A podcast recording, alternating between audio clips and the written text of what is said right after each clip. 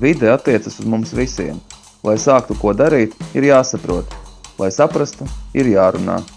Mēs runājam podkāstā Zaļgalvas. Eva Johansone un Ervīns Vārde. Sveiki! Jūs klausāties Zaļgalvja podkāstu numur 3, un to vada Eva Johansone un es Ervīns Vārde. Un mūsu viesis šodien ir Rinalds Gulbis, teologs un mācītājs. Gulbis un vārdi skan kā Krīlova fabula. Tātad pirmais jautājums būs par dzīvniekiem noteiktā mērā. Es kaut kur redzēju, ka daži dzīvnieki, piemēram, primāti vai ziloņi, mēdz atvadīties no aizgājēja. Nu, vismaz tā izskatās. Bet ar ko atšķiras cilvēka nāve no dzīvnieka nāves? Ar rituālu. Nu, jā, arī mēs redzam dzīvnieku pasaulē vairāk vai mazāk tās varbūt kaut kādas atvadas, varbūt zināmā mērā sēras. Tad, um, ja mēs tā salīdzinām dzīvnieku pasauli un cilvēku pasauli, tad noteikti jā, tas būs rituāls. Jo cilvēka nāve jau nav vienkārši nomiršanas brīdis pats par sevi bet tas ir vairāk saistīts ar to, piemēram, mūsu tradīcijā ar visu mm, klātstāvēšanu, pēc tam vāķēšanu, visu abadīšanas rituāls un tam līdzīgi. Un pēc tam sērus un skumjas ilgstošā vai mazāk ilgstošā periodā. Dzīvnieku pasaulē mēs, vismaz mēs cilvēki, neredzam to, ka dzīvnieki sērotu par um, kādu aizgājēju. Bet tas ir atkarīgs arī no kultūras, protams. Jo mēs redzam, piemēram, Dienvidu-Austrumāzijas valstīs vai, vai, tā, vai tie pašā Romu kultūrā atvadas un sēras, un, un tas rituāls ir pavisam citāds, ne tāds kā, piemēram, Rietumē Eiropas kristīgajā kultūra telpā, kurā arī mēs tomēr dzīvojam. Es šajā kontekstā aizdomājos par vārdu salikumu cūkas bēres. Tas taču ir ļoti jocīgs koncepts, jo cūku apēd. Jā, un cūks bērns taču tiek svinētas. Nezinu, tur šņabītas un, un tam līdzīgas lietas. Un, un viss tā siltā cūgaļa, kas uzreiz tiek pagatavota. Jā, bet cūks bērns ir cūks bērns, tīpaši latgalē, protams. Mm -hmm. Runājot par latgali, um, man bērnībā uh, bija iespēja piedalīties diezgan daudzās bērēs. Uh, Vecmāmiņa nomira, vēlāk vecmāmiņa, un, un tas bija diezgan normāli piedalīties šajā procesā, ilgstoši atvadīties, un šis ķermenis un aizgājies guļ tajā telpā, kur arī pārējie guļ. Un, Tas, nu, bez rituāliem arī tā praktiskā dzīve. Tur visu laiku apkārt un bērni un pieaugušie, un tas, tas aizgājies turpat vien ir. Bet mūsdienās man šķiet, ir pagājuši 10, 15 gadi, ir visas šīs institūcijas un iestādes, kur aizved uzreiz to aizgājēju, tikai pēc tam viņu saģērb sapucē un atved uz bērēm. Man šķiet, ka diezgan daudz ir mainījies un ka mēs to nāvi ar vienu ar vienu tālāk un tālāk nesam. Mm, jo nāve mums ir kļuvusi, kā tu teici, institucionalizēta. Eksistē nāves pētniecībā, piemēram, mēs runājam par tādu lietu kā nāves servis Un uh, 95% cilvēku mūsdienās nomirst slimnīcās. No slimnīcas parasti vai ne, tad ir uh, šis abadīšanas birojs, kurš to mirušo tur apmazgā, aprūpē, uh, sapucē, apģērbj un tam līdzīgi. Kādreiz tas tiešām pirms 10, 15 un varbūt vēl senāk gadiem bija pilnīgi normāls mājas rituāls un tam bija tādas rituāla pazīmes. Bet um, mūsdienās mēs nāvi um, teoloģijā un nāves pētniecībā mēs tos esam par nāves eliminēšanu, jeb izstumšanu no, no ikdienas dzīves, kas ir jā, diezgan uh, īpatnēji, bet tajā pašā laikā visticamāk tas tiek darīts tādēļ, lai kaut kādā veidā mēs izbēgtu no kaut kādām psihiskām traumām, Tā pašā laikā es savā profesionālajā pieredzē saskāries ar to, ka cilvēki mēģinot izbēgt no saskarsmes ar nāvi, pēc tam piedzīvo daudz dziļākas, garīgas traumas, kas atstāja arī iespēju teiksim, arī uz fizisko veselību. tā uzticība nāves servisiem no vienas puses ir ērta, bet es to sauktu par tādu, kā mans salīdzinājums ir ar ātrās ēdināšanas restorāniem. Tu esi ātri paēdis, ātri uzdzēris augstu kolu virsū, bet pēc stundas tev gribas ēst atkal. Tieši tāpat šajā gadījumā šo nāves neizdzīvošanu. Un tas sēru periods pēc tam var būt pat ļoti traumatisks. Es domāju, cik interesants būs šis gads, kad cilvēki īsti nespēja nu, ierasti atvadīties no tuviniekiem Covid ierobežojumu dēļ. Un, teikšu, godīgi, mani ārkārtīgi satricināja CNN sižets, kurā tiešraidē žurnāliste apraudājās, redzot, cik daudzi cilvēki Amerikā atvedā, atvadās mašīnu autostāvvietās, jo Amerikā ierasts ir, ka slimnīcu autostāvvietās atnāk tuvinieki šis gads ieies atmiņā kā tas gads, kad mēs nevarējām pienācīgi atvadīties no mīļiem cilvēkiem. Un, teiksim, tas izstrādātā sistēma Amerikā, kur cilvēku Covid eh, mirušos atvadās turpat stāvvietās, es domāju, tā būs nu, milzīga trauma. Varbūt tā ir tieši rituāla nāve. Iespējams. Piemēram, tagad mēs Eiropas nāves pētnieku asociācijā runājam par tādu fenomenu kā atliktā nāve, kas ir interesanta jauna parādība, ar cerību, ka vasarā šīs atvadas varēs notikt, bet cilvēks tiek kremēts, un bērns um, jau tiek nozīmētas uz jūliju, augustu, lai būtu šīs lielākās atvadas. Um, Latvijā es pagaidām ar šādu situāciju neesmu saskāries, um, bet man kolēģi ir piedzīvojuši arī jau pirms Covid laika tādu lietu, ka, piemēram, kas attiecas uz diasporas un trindas latviešiem, ka tiek atsūtītas urniņas no Austrālijas, un tad paiet kaut kāds pusgads, reizēm pat vairāk, un tikai tad notiek šī abedīšana vai izkaisīšana kaut kur. Mhm, bēres zip. Manuprāt, interesants fenomens ar to, ka, ka mēs atliekam sērošanu un skumšanu no februāra uz augustu Un uh, šis fenomens sāk parādīties arī Vācijā, piemēram, kur um, tagad ļoti lielu popularitāti uzņem viss ekobērs uh, un um, frīdvaldi, jeb miera meži. Un, protams, ka arī Vācijā tagad ir augsti, un, un Ziemeļvācijā arī zeme ir tāda pussasalusi. Un um, arī tur šīs bēres tiek atliktas uz siltāku laiku, uz pavasari. Nu, lai gan jāsaka, ka Vācijā un Zviedrijā, piemēram, bērns ir tāds pastarpināts rituāls, kas, kas sevišķi neizplešas, piemēram, tik ļoti lielās aktivitātēs, kāds ir pie mums. Tu pieminēji ekobērs. Es nevaru nepavaicāt, kas ir ekobērs. Ekobērs, principā, ja mēs skatāmies uz visu šo, es pat nezinu, latviešu mēs to varētu tūkot par abadīšanas industriju, jeb angliski funeral services, um, tas principā ir ļoti neekoloģisks pasākums. Un uh, ekobērs ir diezgan jauna parādība, kas sāk uzņemt apgriezienus no Zviedrijas, kur um, Zviedrijā jau, nu, piemēram, es arī esmu katru gadu, tagad piecus gadus no vietas apmeklējis um, krematoriju Kalmārā, kas ir um, simtprocentīgi um, vidē draudzīga. Jo, kā mēs zinām, tad cilvēks um, pēc savas būtības sastāv ne tikai no cik tur bija 90% ūdens, ja, bet arī no visādām šlakvielām, kā piemēram uh, arsēna un, un tam līdzīgi. Un tad visas šīs vielas tiek kremācijas procesā izdalītas un, un uzglabātas un, un nogādātas bīstamā atkritumu glabātuvē. Savukārt siltums, kas rodas kremācijas procesā, tiek novadīts piemēram Kalmāras pilsētā, um, centrāla apkurē un um, ūdens sildīšanā. Bet tad pats bērnu rituāls saistās ar to, ka šī, šīs kremācijas gala rezultāts, šīs pelni tiek ievietoti ekournās, kas, ir, um, kas sadalās. Tās var būt vai nu no presēta kartona, vai, piemēram, no jūras sāls, ja cilvēks ir izvēlējies, ka viņu vajag abadīt jūrā, vai no kāda cita dabas materiāla. Šobrīd Zviedri pērk arī no Latvijas īpaši attīrītu kūdru presē viņu un, un taisa urnas.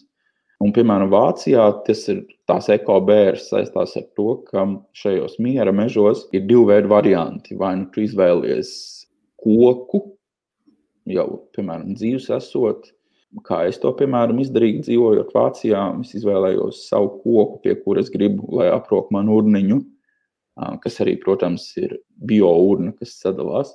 Vai otrs variants, ka šos pelnus sajauc ar substrātu, un pa virsmu tiek iedēstīts koks. Nu, tā ļoti simboliski, un tad tiek veidots šis parks.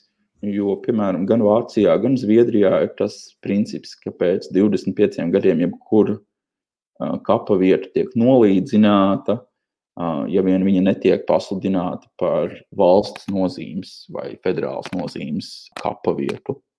Es biju kaut kad uzskrējis tādam tekstam, ka ebrejiem pastāv tāda tradīcija, ka amputētos locekļus glabā līdz cilvēka nāvei un aprok kopā ar, ar to pārējo ķermeni, ar domu, ka tad, kad nāks mesija, tad viņš augšām cels tos cilvēkus un viņiem nu, nedrīkst būt sadalītiem.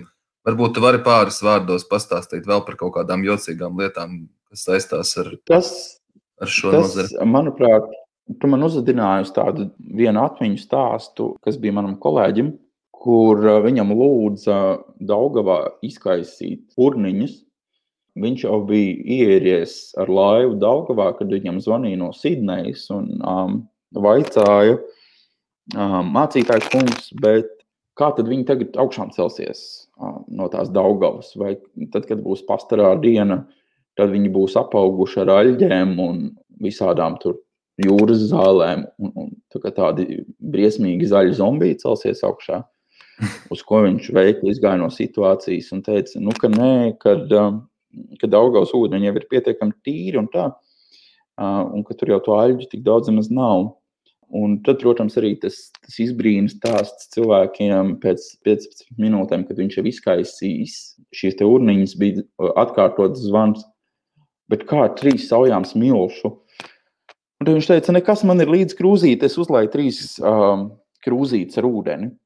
Un, um, tas vien parāda šīs tradīcijas nozīmi. Nu, kā mēs zinām, piemēram, arī ebreju tradīcijā, uh, tevi nemaz neapglabā kapsētā, ja tu esi tetovēts. Nu, jā, jebkādā veidā izmainījis savu ķermeni, uh, tu nevari nonākt svētītā zemē. Um, mm. Jo cilvēks ir dieva templis, vai ne? Tad notiek vai ne šī apglabāšana aiz tā saucamā mūra, tā kā kādreiz kristieši darīja ar um, tiem cilvēkiem, kas dzīves gaitas ir izlēmuši beigt pašnāvībā. Bet šīs tradīcijas mainās. Un, um, tieši tāpat kā, piemēram, mūsdienās mācītāji izvada pašnāvības upurus, tieši tāpat arī viņi tiek apglabāti kapsētās.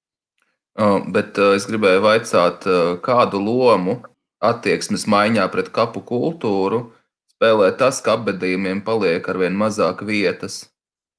Es domāju, ka Latvijā cilvēki par to vēl nemaz nav aizdomājušies. Un Latvijā šobrīd notiek tāda interesanta lieta, ka tā kā Rīgā kapsētas jau ir pārpildītas un um, maksā ļoti lielu naudu citu. Gan pirmreizēja apglabāšana, gan, gan pēc tam kap, kapvietas uzturēšana tad um, cilvēki ir sākuši migrēt uz laukiem. Viņi atceras, ka viņiem ir kaut kādi radinieki laukos, vai viņi ir izcēlušies no kādas vietas.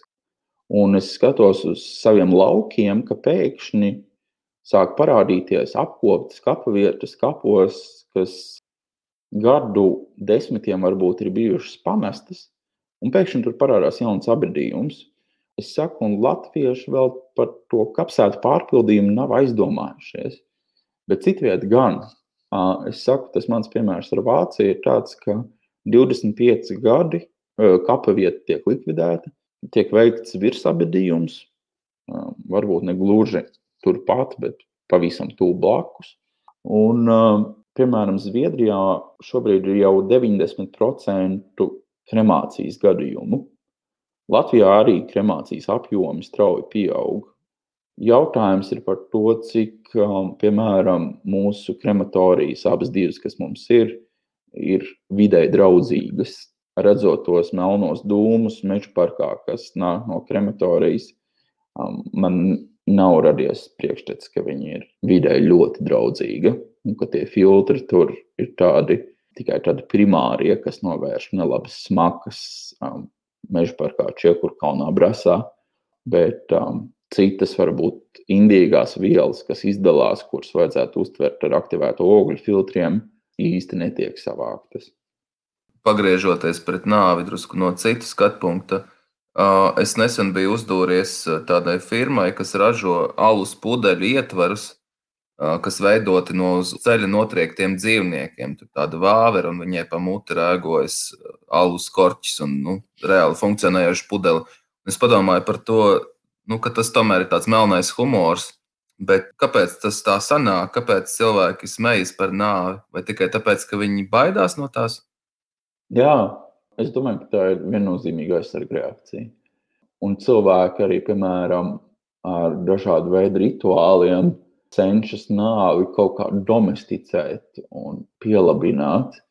It sevišķi mēs to redzam šobrīd um, Centrālā un Dienvidamerikā, kur arvien lielākus apmērus uzņem Santa Muerte kults, kur galvenais mērķis sākumā tā radās kā cietumnieku kultūra, bet nu jau tas ir kļuvis par baznīcas rituālu. Katoļu baznīca to ir veiksmīgi piesavinājusies. Jā, tas ir tāda nāves pielabināšana, slavināšana. Un tur arī tā nāve mēdz būt tāda komiska, jau, tie ieģērbtie skeleti, izpušķotie um, un tam līdzīgi. Cilvēki vienmēr ar nāvi ir spēlējuši kaut kādas lomu spēles, vai cilvēkiem ir bijušas kaut kādas attiecības vienmēr ar nāvi. Arī latviešiem tais pašās tautas dziesmās, un veļu mārtas būšanas un tam līdzīgi. Bet latviešiem vairāk ne pašas nāves pielabināšana, kā mirušo pielabināšana. Došanās uz svētbirzīm un tur ziedošana – Es saku, tās attiecības ar nāvi cilvēks vienmēr mēģina nāvi turēt sev tuvu. Bet 21. gadsimts mums ir parādījis to, ka cilvēks tomēr no nāves mēģina izvairīties. Un jautājums, vai no kura pieeja ir psihē draudzīgāka? Tu, kā mācītājs, droši vien bieži saskaries ar tiem brīžiem, kad cilvēki vai nu ir tuvu nāvei, vai miruši, vai ar viņu tuviniekiem. Vai tu esi pamanījis to brīdi vai vecumu, kurā cilvēki vairāk pievēršas šiem jautājumiem? Kas ir tas vecums, 30, 40, 50 gadi? Tas ir atkarīgs arī no zemes. Es piecus gadus nodzīvoju Frankfurtē, un Vācijā ir sistēma, ka sasniedzot 30, manuprāt, divus gadus, tev tiek atsūtītas ļoti daudzas veidlapas, tev tur ir jāatzīmē, pirmais jau, vai tu esi gatavs ziedot orgānus, ja gadījumā tu cieti kādā nelaimes gadījumā. Um, bet otra lieta, kas tev ir jāizdara, tev ir jāatzīmē, vai tu maksā baznīcas nodokli un tev ir garantēta kapa vieta, vai arī tu esi pārliecināts ateists un beig beigās esi gatavs maksāt sākot no 8000 eiro par kapa vietu. Un tad arī ir jāatzīmē, tā kapsēta, kur tu izvēlēsies pavadīt citas zemes gaitas. Bet antropoloģiski runājot, cilvēki par nāvi visbiežāk sāk domāt tajā brīdī, it sevišķi sievietes, kad viņām piedzimst bērni. Vīrieši sāk par nāvi domāt kaut kad vēlāk, lai cik banāli tas neizklausītos ap 40 gadnieku krīzes laiku. Bet sievietes to saredz vairāk um, tieši tajā brīdī, kad viņas ir dzemdējušas bērnus, viņas saredz to savu nākotni bērnos. Jā, tas ir tas brīdis, aptuveni, nu, kā kurā kultūrā, protams, bet nu, mēs vidēji varam teikt, ka 35, 45 gadi ir tas laiks, kad cilvēks sāk domāt par nāvi. Savukārt jau ap 60, 70 gadiem um, bieži vien sākas šie limuzīnas, Jāņa nakts krāsās stāsti ka es tūlīt miršu, un vai man dieniņa, kas tūlīt notiks. Un cilvēks nodzīvo vēl, protams, 20, 30 gadus. Tas nāvis pārdomu laiks ir tāds ļoti nestabils, es teiktu, un uh, viņš nav tā viennozīmīgi novērojams un nomērāms. Uh, viņš ir vairāk vai mazāk atkarīgs no kultūras ietekmes un telpas, kurās mēs dzīvojam. Tu minēji par ekobērēm un par to koku, kas izaug virs urnas un tā. Mēs nesen sarunājāmies vienā no raidījuma sērijām ar Ilmāru Tīrmani, kurš filmē beigtus dzīvniekus un kas notiek ar viņiem pēc tam. Un viņš teica, ka noteiktā mērā cilvēks turpinās kā koks kapos, ka viņš ir barības viela citam organismam. Un man ienāca prātā tāds jautājums, ar ko šāda pieeja atšķiras no reinkarnācijas. Uh, reinkarnācija pat par sevi jau paredz pārdzimšanu nirvānas telpā. Jautājums, kurā no lokiem mēs pārdzimstam saskaņā ar hinduismu tradīciju.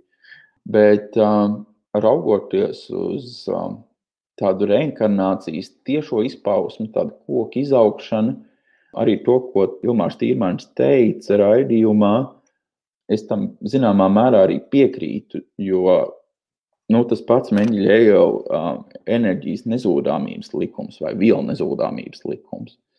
Mēs taču turpināmies, mēs nekur nepazūdam. Nu, izņemot neizskaidrojamā lieta, tie 30 grami, kas pazūd cilvēkam nomirstot. Bet tajā pašā laikā cilvēks var kļūt par barības vielu, un tas, kas vēl saistās šobrīd, kas ir tāds trendīgs, notikums vai jauna pieeja nāves kultūrā, tā ir mirstīgo atlieku kompostēšana. Anglijā tas izsauca varbūt sākotnēji ļoti liels diskusiju vētras, it sevišķi baznīcas vidū, bet nu jau arī baznīca to ir pieņēmusi, ka cilvēku mirstīgās atliekas var tikt kompostētas. Restīvi, kā tas notiek, cilvēku mirstīgās atliekas tiek ievietotas konteinerā un pa virsmu tiek uzbērts tāds liels daudzums ļoti spēcīgu makrofāgu baktēriju. Un praktiski cilvēks līdz kompostam tiek sadalīts nu, maksimāli 90 dienu laikā, kad cilvēks pārvēršas burtiski par zemi, gluži kā tādā bībeles tekstā no zemes, tu esi nācis par zemi, tev jāpaliek. Tad šis komposts tiek nodots tuviniekiem, Tad ir bijuši šie stāsti, kurus mēs, piemēram, Eiropas Nāves asociācijā arī pētām, ka cilvēki tiešām tur stāda pēc tam virsū rozes, un, un cits pat audzē dārzeņus, spinātus, burkānus un tam līdzīgi. Un pat stāst ar tādu zināmu lepnumu par to, ka lūk, no mana vectētiņa, vecmāmiņas ir iznākušas tik garšīgas zemenes, vai kādi dārzeņi, vai kas cits, vai plaukstošas rozes. Pelnu sanatorija. es iedomājos, ka uh, Ervīns Vārda daudz laika pavada kapos. Gan arī katru dienu dodas tur fotografēt un uh, barot putniņus, barot tavās, um, redzot kapus un iespējams arī kādreiz bēres un to, kā cilvēki tur kopj un domā vai meditē vai, vai sarunājas. Vai tu pats esi domājis par savām bērēm? Es, jā, es par savām bērēm esmu domājis. Un... Man patīk tā, tā vāciešu ideja par to miera mežu. Es, es gribētu, lai kaut kāds, drīzāk kaut kāds ēdamkoks, lai no manis izaug, lai kaut kāda nu, tāda garšīga jēga no manas nāves ir pēc tam. Nezinu, tur kaut kāds persikoks, kas tagad ir domesticēts Latvijā un, un labi aug arī manā dārzā, piemēram, vai kāds ķiršu koks, kas diezgan ilgi aug un ražo. Ķiršu koks arī nozīmē pabarot putnus. Tu tu vari laiku... neatbildēt, ko par savām bērniem. Es, es tieši es, tā nu, tu kapos staigā, nu tu nevari par to nedomāt droši vien. Kā, kādreiz ir nu, ienācis prātā. Nu, ir ienācis, jā, bet es, es noteikti negribētu sev kapu vietu tīri praktisku apsvērumu dēļ, jo kādam vajadzēs to pieskatīt. Un visa tā sāncensība, ka blakus aug skaistākas puķītes, man tas ir absolūti vienaldzīgi jau šobrīd, kur nu vēl maniem iespējamiem pēstečiem. Es noteikti izvēlētos kremāciju un, un kaut ko tamlīdzīgu. Nu, pieminekli gan varat man uzcelt, ja gribat. Es padomāju par to, ka tu visu laiku rotē, kā, kā pa saturna gredzeniem ap to nāves tēmu, iemetu aci vienkārši tavā aprakstā. Un es domāju, kā tu vari ikdienā atcerēties par nāvi un vienlaikus saglabāt optimismu, ja tu saglabā. Nē, es saglabāju optimismu, tāpēc ka es esmu pieņēmis to, ka nāve ir pilnīgi normāla dzīves sastāvdaļa. Manuprāt, nāve un bērns ir jāsvin tieši tāpat kā piedzimšana un kristības. Man pēdējā laikā izvadot cilvēkus, ir bijis tā, ka tuvinieki pēc tam nāk klāt un saka, ka šī varbūt ir neordināra pieeja bijusi, ko viņi nav sagaidījuši, bet um, viņiem ir prieks, ka tas ir noticis tādā optimistiskā veidā. Nu, tā ir mana pārliecība un mana, varbūt arī kristīgā ticība, ka ar nāvi nekas nebeidzas, un nāve ir tikai starposms. Un varbūt arī tas man palīdz, tāds slieksnis, teiksim tā. Un tas ir arī varbūt, tas, kas man palīdz uzturēt kaut kādu zināmu optimismu šajā sakarā. Un man ir arī kaut kāda, varbūt, kreizī misijas apziņa, ka man ir cilvēkiem jāstāsta par nāvi un jāatgriež nāve ikdienas sarunu diskursā. Ka mēs nevis izvairāmies runāt par nāvi un ar to saistītām tēmām, bet um, jā, ka mēs ikdienā runājam un domājam par nāvi. Nevis tikai tad, kad kāds tuvinieks nomirst, ka mēs par nāvi aizdomājamies, nu, varbūt es neteiktu, tas būtu pilnīgi šausmīgi, katru minūti, bet um, varbūt reizes dienā paskatīties kaut kur laukā un padomāt, jā, es šeit redzu kaut kādu zināmu nomiršanu. Vai... Man patīk, ka šis, šī pakalpojuma reklamēšana optimistiskajā satverā. Man, es kaut kur lasīju uh, interviju ar tevi, kur tu saki, ka pēc to cilvēka zaudēšanas tu iesaki iedzert šņabi un parunāties, nevis dzert nervu zāles. Es līdz šim nebiju lasījis tik labu luterismu reklāmu. bet tā ir. Bet tā ir. Jo cilvēkam ir jāizdzīvo šis sēru un skumju laiks. Un um, varbūt labāk tajā vakarā tiešām, kad kāds tuvinieks ir aizgājis, ir izdzert um, kādu šņabļu glāzi vai, vai vīnu glāzi vai nezinu ko citu. Bet um, nesazāļoties, jo cilvēki tik bieži uzreiz aiziet nezinu, pie ģimenes ārsta vai pie kāda pazīstama doktora. Un tad sazāļojās ar tranquilizatoriem tik tālu, ka viņi paši izskatās bērēs pēc zombijiem ja, un nenotiek ne asaras. Un tad man rodas loģisks jautājums, ka, nu, kāpēc tu to dari, vai, um, jo tu jau sev nepasargā no tā visa. Um, tas, ka tu uz to brīdi esi sadzēries tranquilizators un nenobirdini asaru bērnu laikā, tas jau tevi nepaglābs no šī sēra un skumju laika. Um, gluži otrādi. Tas ir kā, es nezinu, varbūt sadzeroties šņabi par daudz, kad iestājās tā saucamā bezfilma, tad bērēs ir šī bezfilma no tranquilizatoriem. Un cilvēks vienkārši neatcerās pašu bērnu notikumu kā tādu. Un viņā pēc tam rodas šī garīgā trauma, kā tikt ar to galā. Es neatceros, un es pārdzīvoju par to visu. Un viņā rodas papildus sērām un skumjām vēl vainas apziņa. Un līdz ar to tikt ar to visu galā, tas prasa vēl lielākus resursus un piepūli. Tāpēc, piemēram, mēs ar ļoti daudziem kolēģiem iesakām to, ka vai kādu cilvēku līdzās tajā vakarā, kad kāds ir atstājis šo pasauli, un izrunāt to visu, un katrā ziņā pārdzīvot pie skaidra saprāta bērnu laikā to aiziešanu. Domāju, ka tieši ar te, šo te nāves festivālu ideju ko es iecerējis eh, rīkot eh, Latvijā. Iespējams, par šo var runāt plašāk un vairāk, jo, kā jau iepriekš eh, abi jūs runājāt par to, ka to nāvi dažādas. Es esmu redzējis, kā to Meksikā dara. Ļoti krāsaini, ļoti izteiksmīgi tās skeleta sejas un visas tās tradicionālās maskas, kas ir uz katra maisiņa ikdienā. Tad Latvijā par, nu, mums ir slavenā kapu kultūra. Taču mēs, man šķiet, diezgan maz izņemot varbūt kaut kādus atsevišķus meditāciju centrus vai, vai, vai intervijas Latvijas rādio. Es ļoti reti dzirdu runājam par nāvi kā tādu. Pastāst par, par nāves festivālu vairāk.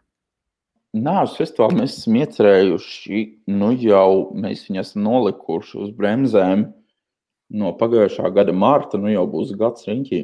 Cilvēki mums ir iesūtījuši referātus no 14 pasaules valstīm. Un es domāju, ka tas mums varētu būt ļoti krāsaini, akadēmiski runāt par nāvi un tās dažādajām tradīcijām. Un kas mani pārsteidza tieši nāves festivāla zinātniskās daļas sakarā visvairāk, man likās, kas gan no Latvijas pieteiksies, bet um, tieši latviešu daļai mēs dabūjām taisīt vislielāko atlasi referātu ziņā, jo tik ļoti daudz cilvēku pieteicās runāt par ar nāvi saistītām tēmām, ka mums divām dienām bija par daudz, jo ir paredzēts, ka akadēmiskā daļa mums ir divas dienas, un katru vakaru vēl kultūras daļa kopumā trīs dienas, kur mēs pirmo vakaru iesāktu ar nāves stāstu vai um, spoku, vilkaču un tam līdzīgu stāstu vakaru. Bet um, Latvijā izrādās ir diezgan daudz cilvēku, kas pēta nāvi gan no juridiskā skatu punkta, gan mūzikā, gan mākslā, gan antropoloģiski, gan literatūrā, arī filozofijā. Tas bija patiesībā man personīgi vislielākais pārsteigums, tāpēc ka man likās, sākumā šķita, ka mēs esam tāda saujiņa, meža dīvainīšu, kas um, runā par nāvi. Es ceru, ka nāves festivāls kaut kad varēs notikt, un um, to visu arī parādīsim brīnišķīgā programmā.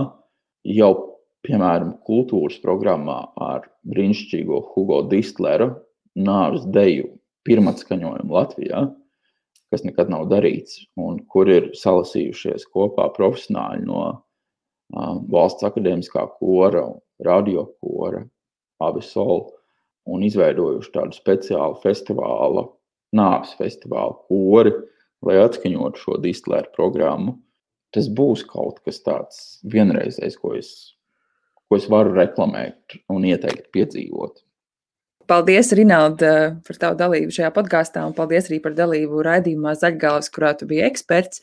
Vēl tikai gribēju pateikt arī paldies Arvīnam Vardem un, protams, arī Latvijas vidas aizsardzības fondam, kurš ļauj šādam podkāstam notikt. Atgādināšu, ka ir arī rakstu sērijas Satorija um, arī LSMLV. Un, protams, svētdienās 18.15. Uh, Latvijas televīzijā ēterā redzamie 13 uh, minūšu garie dokumentālie stāsti par dabu un cilvēku. Tiekamies nākamajā podkāstā.